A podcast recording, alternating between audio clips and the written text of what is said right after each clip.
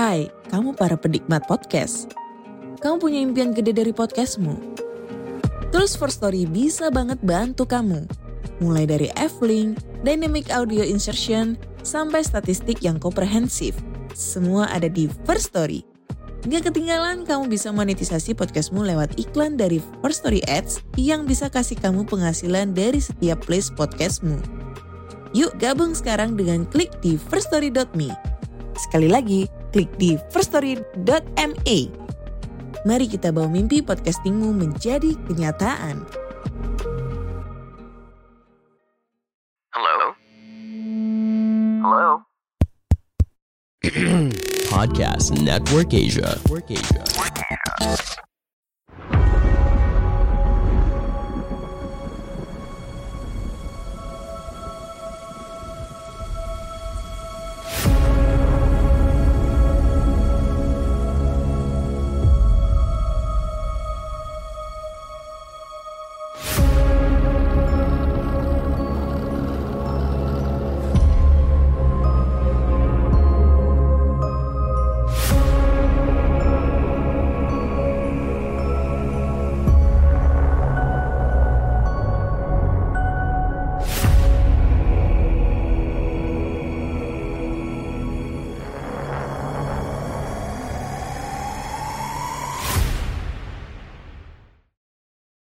Halo semuanya, nama aku Iksan. Balik lagi dengan aku di sini di podcast dengerin horor. Nah, jadi em, di minggu lalu tuh ada kayak sesi space gitu di Twitter, terus em, ada yang bahas salah satu narasumber, bahas tentang kuyang gitu kan. Nah, nah sebelum kuyang itu dia bahas juga tentang eh, bagaimana sih dia cara ketemu kuyang ini gitu. Kayak proses ketemuannya gimana gitu kan? Apakah lewat dating apps atau lewat eh ketemuan di cafe gitu kan? Nggak jadi jadi dia ini awalnya ketemuan sama kuyang ini ceritanya pada saat dia masih SD gitu. Jadi pada saat itu si cewek ini tuh dia ketemu kuyang eh datang ke rumah orang atau tetangganya yang lagi meninggal. Nah terus pas dia datang ke rumahnya itu ke rumah duka pas dia masuk itu kayak ya udah dia ngelihat eh, ada ada jenazah kan di, di ruang tamu. Nah habis itu dia keluar dari dari rumah itu. Singkat cerita pas dia balik mau ke rumah tadi nah pas di depan pagar itu dia bukan apa ya kayak ngelihat sesuatu yang bukan sewajarnya gitu. Dia ngelihat ada kuyang yang layang gitu di depan pagar gitu kan. Terus dia kayak kaget aja gitu. Dan ternyata sih ternyata di setelah digali-gali kemudian pas dilihatnya kuyang itu ternyata em, kayak ada sesuatu yang hilang di jenazah yang tadi di ruang tamu tadi. Entah entah apa tapi yang diceritain sama mbak mbak itu emang begitu gitu. Dan ada lagi juga cerita tentang em, kayak jenis pelet gitu. Apa ya? Bukan pelet sih sugihan gak sih itu?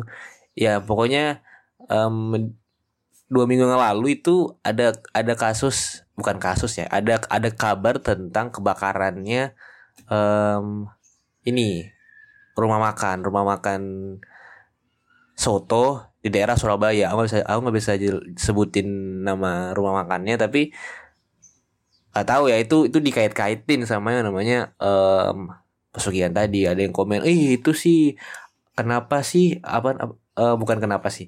Itulah kenapa makanya kalau misalnya pesugihan itu eh, kasih tumbal gitu kan atau enggak ada ada juga yang komen itu sih gara-gara gak ada tumbal lagi buat orangnya gitu ada yang kayak gitu Nah itu itu kisah-kisah narasumber yang kemarin yang kemarin join di space Twitter dengerin horor gitu kan.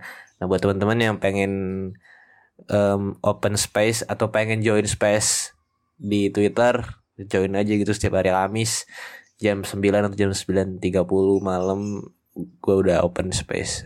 Jadi kalian bisa dengerin atau bisa sharing bareng di situ. Itu dua jam aja sih biasanya sesinya. Oke dan hari ini em, ada em, ada hubungannya sama Kuyang tadi karena hari ini treatnya kita bakalan bahas tentang kehilangan seorang bapak yang disembunyikan oleh jin. Nah, ada nggak sih hubungannya Kuyang dengan kehilangan seorang bapak oleh jin? Kayaknya nggak ada hubungannya sih. Tapi ya udahlah ya intinya kita bakal bahas tentang seorang bapak yang disembunyikan jin karena dia melanggar sebuah peraturan, men. Atau pantangan, larangan. Nah, manusia itu memang apa ya? Kayak udah jadi hakikatnya gitu. Entah manusia seluruh dunia atau manusia Indonesia doang gue nggak tahu sih. Karena em, di mana ada pantangan di situ selalu dihiraukan. ya sih? Udah tipikal orang Indonesia banget, men. Setelah selagi dilarang bodo amat. Pokoknya gue harus gue harus ini gue harus pan gue harus lewatin gitu kan. Nggak peduli ya larangan gue bodo amat gitu intinya. Oke kita mulai. Tweet ini ditulis oleh akun payung hitam 1101 101 oke langsung aja. Jadi tweet ini pengalaman dari narasumber kami bernama Vivi. Cerita ini dialami oleh ayahnya sendiri. Kejadian ini bermula pada tahun 2002 yang bakal terus tertanam di memori ayahnya karena menyangkut keselamatan nyawanya. Oke, kita mulai. Kenalkan, aku Vivi. Kejadian ini aku ingat waktu aku masih di bangku SMP. Waktu itu ayahku sebut saja namanya Pak Hamir lagi ada rezeki untuk membeli rumah baru di desa terpencil dan juga satu hektar kebun. Aku dan keluargaku, ayah, ibu, dan adikku berdomisili di Sulawesi. Tapi, aku nggak bisa spesifik ya. Kami tinggal di kota besar. Ayahku juga seorang karyawan di salah satu perusahaan di kota kami. Tujuan ayahku membeli kebun dan rumah di desa terpencil jauh dari kota adalah karena ayahku suka melepas penat dari urusan kerjanya ke tempat yang lebih tenang menyendiri dan juga sekaligus mengurusi kebun yang dia beli. Letak kebunnya masih satu wilayah dengan rumah yang ayahku beli, tapi tidak terlalu dekat juga. Aku dan keluargaku pernah mengunjungi rumahnya dan juga kebunnya, tapi menurut aku kurang asik aja di sana. Karena terlalu sepi dan jauh dari fasilitas kehidupan. Keluargaku yang lain juga menganggap di sana itu kurang nyaman maka dari itu, aku dan keluargaku cuma satu kali aja ke sana. Selebihnya, ayahku yang sering mengunjungi bahkan menginap beberapa hari di sana. Bisa-bisa 4 sampai 5 hari malahan. Nah, letak desanya pun ada seperti di ujung dunia karena saking jauhnya aku amati juga nggak ada lagi desa setelah itu yang kulihat. Jadi desa itu betul-betul terpelosok Pekerjaan ayahku juga hanya pengurus proyek bangunan yang mana kalau memang belum ada panggilan kerja, ia bisa punya waktu banyak untuk melepas penat dan mengurusi kebunnya. Ayahku juga orang yang mudah bersosial, jadi ia mudah diterima dengan lingkungan barunya. Singkat cerita, awal-awal ayahku datang di sana sangat disambut hangat dengan warga. Pas banget dengan kepribadian ayahku. Ia suka menyapa orang dan juga sekedar berbahasa basi. Bahkan warga pun pernah ada yang sampai berkunjung hanya karena ingin bersilaturahmi sebegitu antusiasnya. Dan sebegitu erat kekeluargaannya di sana. Bagus kalau begitu, karena ayahku juga kelihatannya menyukai suasana dan lingkungan di sana. Dan akhirnya pada saat itu, kebetulan ayahku ke sana pada hari Kamis setelah pulang berkebun sekitar jam 4 sore, Warga khususnya bapak-bapak mengajak ayahku ikut pengajian yang diadakan di musola. Di sana setelah sholat maghrib. Rutinitas warga di sana sering mengadakan pengajian memang setelah sholat maghrib di, di malam Jumat. Kemudian um, setelah mendatangi pengajian yang diadakan setelah sholat maghrib malam Jumat, seperti biasa, selepas pengajian dan beberapa perempuan dan anak-anak sudah pulang, bahwa bapak itu suka ngobrol, ngobrol-ngobrol, segala hal dibahas, termasuk apa aja. Itu termasuk mitos, dan pantangan-pantangan di sana.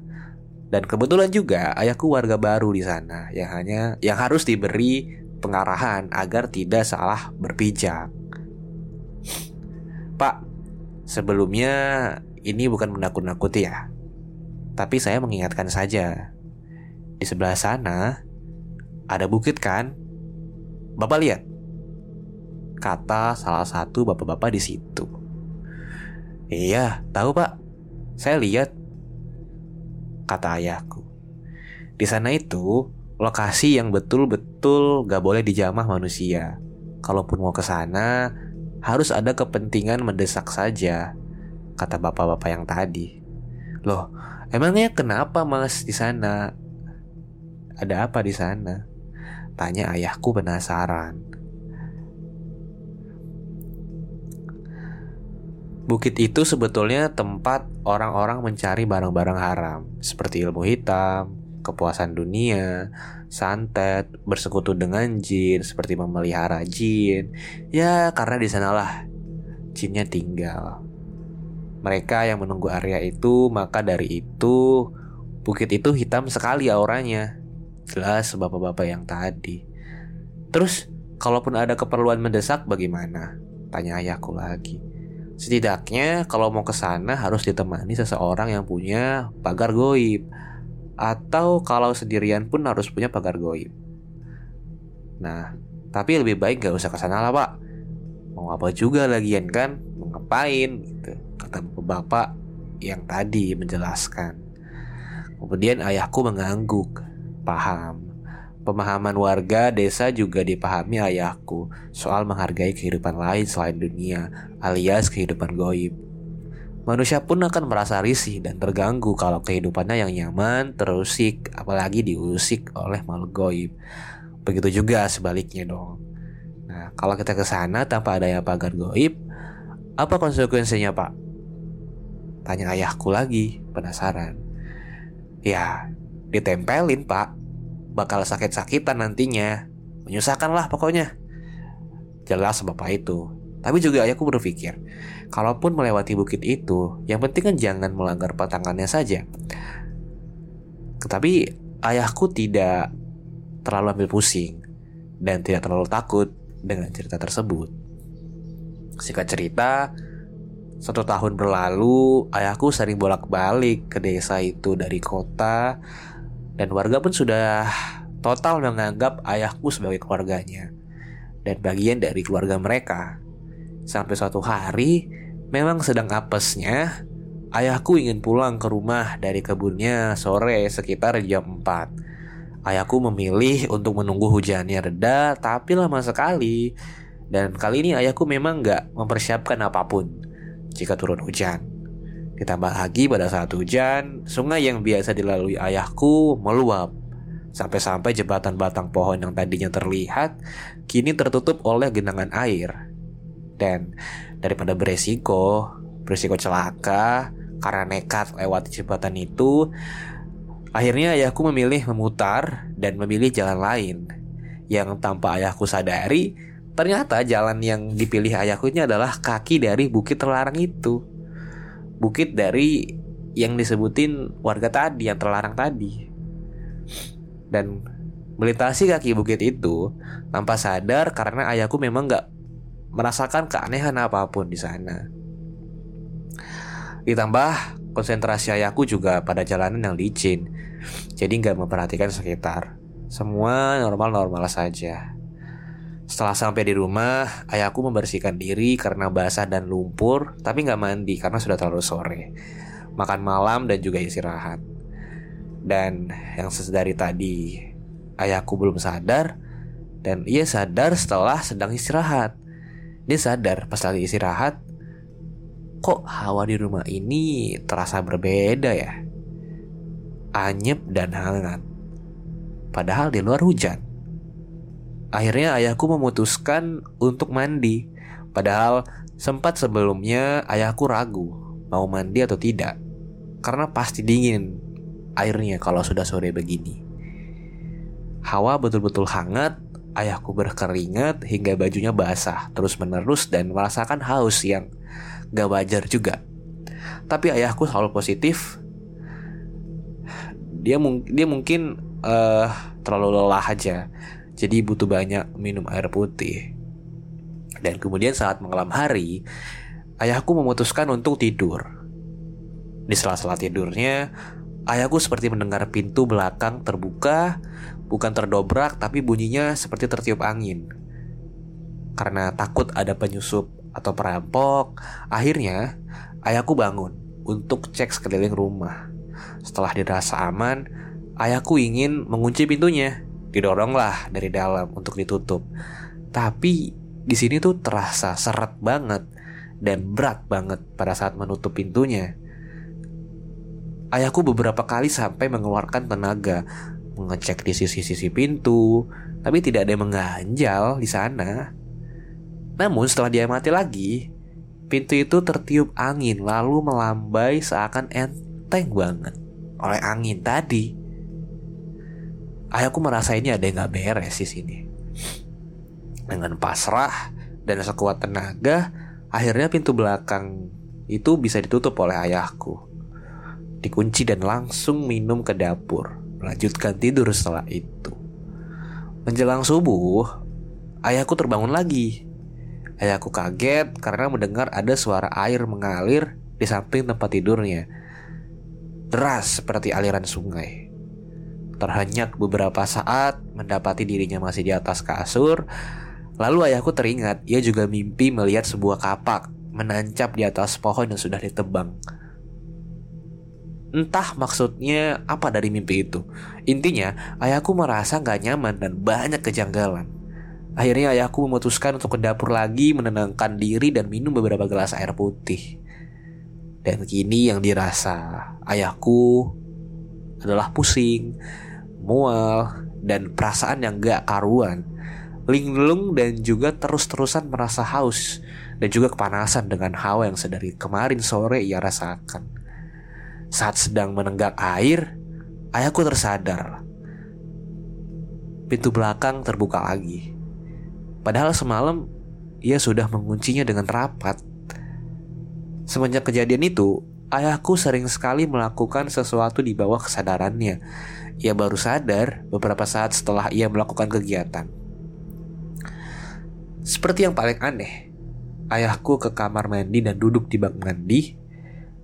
Beberapa saat itu, ia sadar dan bingung sendiri mendapati dirinya duduk di bak mandi tanpa alasan. Dari subuh menuju pagi, ayahku merasakan banyak keanehan terutama pada dirinya dan merasa juga badannya berat dan gak bisa mengontrol dirinya. Paginya, waktu matahari sudah mulai terbit, hujan turun juga dengan deras. Tapi ayahku justru keluar rumah jalan kaki tanpa menggunakan jas hujan atau payung, alias hujan-hujanan di jalan. Beberapa warga di sana justru melihat ayahku yang hujan-hujanan dan menawarkan untuk bergabung dengan mereka. Mereka di sana juga sedang berteduh. Jadi pada saat mereka berteduh, mereka menyaksikan ayah aku hujan-hujanan dan kemudian menawarkan untuk bergabung dengan mereka. Tetapi ayahku tidak menyambut sapaannya. Pak Hamir, sini berteduh pak. Jangan hujan-hujanan, nanti sakit. Teriak salah satu warga tapi ayahku cuma mengangguk saja dan tersenyum. Selanjutnya ia jalan tanpa terus berbicara sepatah kata pun. Di sini ayahku sudah tidak lagi sadar, tidak mengingat apa pun. Warga awalnya gak merasa curiga dan gak tahu kalau ayahku sebetulnya gak sadarkan diri. Tapi tidak bisa berbuat apa pun karena mereka juga mau pergi berkebun, dan gak mau terlanjur basah karena hujan. Tapi yang membuat warga agak heran, ayahku berjalan menuju bukit yang terlarang itu. Dan jika cerita, tersadarlah ayahku. Ayahku sadar, disaksikannya di hadapan ada sungai kecil, harinya terik, padahal sebelumnya hujan deras, dan lokasinya betul-betul gak dikenali oleh ayahku. Bukan perkebunan, Cuma hutan sepi tanpa manusia. Ayahku teriak, ingin tahu apa di sini. Apakah ada orang? Tapi sia-sia aja. Tidak ada sahutan dari siapa pun karena hari terasa terik dan panas. Akhirnya ayahku memutuskan untuk minum air dari sungai itu menggunakan tangannya. Seperti apa lagi? Sudah tak tertahankan dahaganya. Baju ayahku kering seperti nggak kehujanan sebelumnya. Aneh. Ayahku akhirnya mencari jalan keluar dari hutan tersebut, tapi selalu hasil, tapi selalu nihil hasilnya. Segala cara dilakukan, tapi tetap saja berujung menemukan sungai yang tadi. Ia akhirnya mencoba cara dengan mengikuti sungai mengalir. Tetap saja, dia balik ke tempat semula. Seolah sungainya cuma membentuk huruf O. Lama-lama ayahku lelah tapi ia tidak merasa lapar sekalipun. Malah ayahku cuma merasakan haus yang teramat sangat dan terus menerus. Di malam hari, ayahku juga nggak merasa kedinginan. Yang lebih nggak wajar lagi, ayahku nggak merasa dan nggak ngeliat ada nyamuk di situ. Padahal itu hutan yang lebat, yang biasanya nyamuk-nyamuk hutan bakal sadis banget. Ini terlihat pun enggak. Di malam berikutnya, Ayahku mulai pasrah dan merebahkan dirinya di bawah tanah, di tepi kanan sungai, menatap langit. Dan kalau memang ia harus mati di sini, bagaimana? Tapi ia masih punya tenaga untuk cari pertolongan. Sepi, sunyi, gelap gulita dengan cahaya bulan meresap dalam jiwa ayahku. Ayahku cuma bisa berdoa, memohon keselamatan dan tetap hidup dan utuh sampai nanti pulang ke rumah. Di tengah-tengah lamunan ayahku, ia melihat tepat di sebelah kirinya ayahku, alias di atas air sungainya, seperti ada cahaya. Bukan kunang-kunang, cahayanya besar, seperti senter, segenggaman orang dewasa. Ayahku sempat berharap itu orang, tapi mana mungkin ada manusia jalan di atas air. Ayahku memperhatikan langkahnya juga tapi tak terdengar apa pun di sana. Masih sunyi, hanya saja cahaya itu terus bergerak mendekati dia. Masih kurang yakin, ayahku akhirnya memanggil dari sumber cahaya. Tidak ada jawaban, lama-kelamaan cahayanya menghilang. Saat ayahku menegaskan penglihatannya di atas sungai tadi, dan kemudian bapakku pasrah lagi. Ayahku pun akhirnya tidur, berharap besok pagi ia mendapat banyak tenaga untuk pulang. Dan pagi harinya ia bangun berharap semalam itu mimpi. Ternyata ia masih di tempat yang sama. Ditambah terkejutnya lagi melihat banyak jejak kaki sepatu manusia saat ayahku sedang bersiap-siap mencuci muka dan minum di sungai. Kali ini ayahku sedikit mengeksplor dan berteriak, berharap ada seseorang mendengarnya karena ia melihat ada jejak kaki di situ. Tetap, ia tidak mendapati siapa pun di sana. Dan tiga hari lamanya, ayahku tersesat di sana. Sampai akhirnya ia bertemu seorang wanita tua, terlihat menggendong kayu-kayu bakar. Ayahku yang sedang terduduk didekati nenek itu, dan tanpa banyak basa-basi, terjulur tangan dari sang nenek untuk membangunkan ayahku. Karena nenek itu satu-satunya manusia yang menemukan ayahku, ayahku langsung sungkem meminta pertolongan. Seolah paham, nenek itu langsung memberi ayahku sebuah wadah dari bambu, bersihkan air putih, diminumnya langsung oleh ayahku. Dan perasaan ayahku ketika itu begitu lemas, berkunang-kunang padangannya. Ayahku sampai nggak tahu ke mana perginya nenek yang tadi karena terlanjur tak tersadarkan diri. Dan setelah itu, ayahku gak ingat apa pun. Ini dari kesaksian warga. Warga yang saat itu memang mencari ayahku, menemukan ayahku tergeletak lemas gak jauh dari tepi sungai. Warga yang menemukan terkejut tapi gak heran karena sudah beberapa kali menyisir wilayah sungai, tetap gak menemukan tanda-tanda adanya ayahku. Tanpa berlama-lama akhirnya ayahku dibawa pulang dan diurus dengan warga. Dan setelah sadar dan pulih, barulah warga siap untuk memberitahu yang sebenarnya. Awalnya beberapa warga desa merasa heran melihat keadaan pintu rumah ayahku pintunya terbuka lebar selama beberapa hari. Muncul pertanyaan yang akhirnya warga berusaha mengecek ke dalam takutnya ada terjadi sesuatu tapi warga tak menemukan ayahku di rumah. Keadaan rumah sepi dan kosong. Dari kesaksian warga itu, melaporlah warga yang lain, termasuk bapak-bapak yang tengah neduh waktu itu, yang melihat ayahku berjalan menuju bukit yang dilarang tersebut. Kekompakan dan kekeluargaan warga desa begitu erat sehingga kesadaran mereka mengenai hilangnya ayahku cepat ditanggapi. Dan setelah berunding dengan beberapa warga yang mempunyai pagar goib, akhirnya disetujuilah untuk mencari ke bukit itu. Pertimbangan terus dilakukan karena bukit itu pantang sekali dipijak. Warga yang sudah lama tinggal di situ pun berpikir seribu kali. Gimana kayak ayahku yang baru satu tahun tinggal di sana, tapi dia sudah berani ke sana gitu. Akhirnya kesepakatan sudah bulat.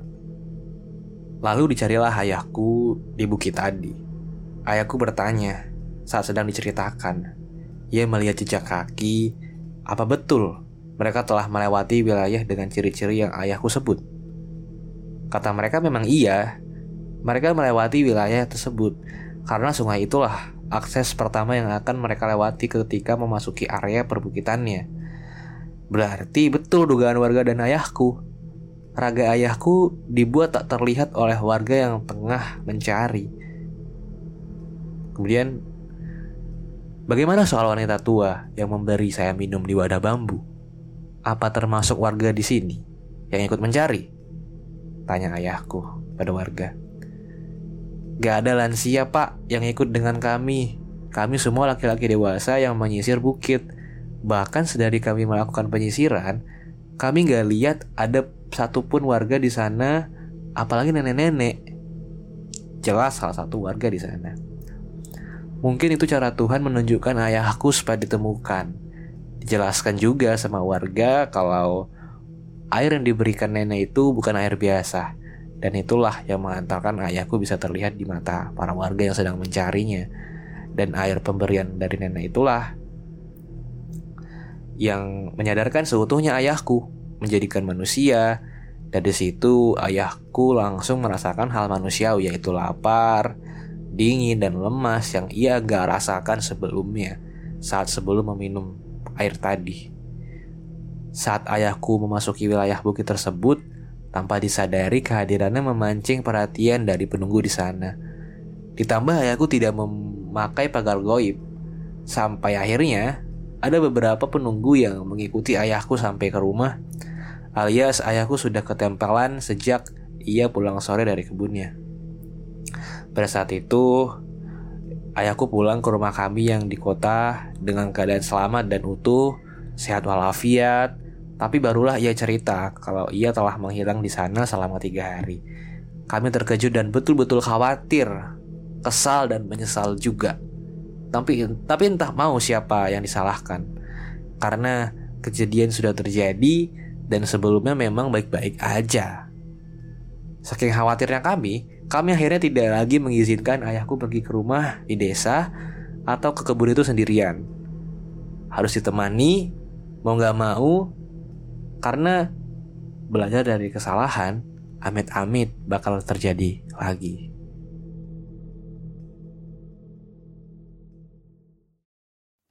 Pandangan dan opini yang disampaikan oleh kreator podcast, host, dan tamu tidak mencerminkan kebijakan resmi dan bagian dari podcast Network Asia. Setiap konten yang disampaikan mereka di dalam podcast adalah opini mereka sendiri dan tidak bermaksud untuk merugikan agama, grup etnik, perkumpulan, organisasi, perusahaan, perorangan, atau siapa pun dan apa pun.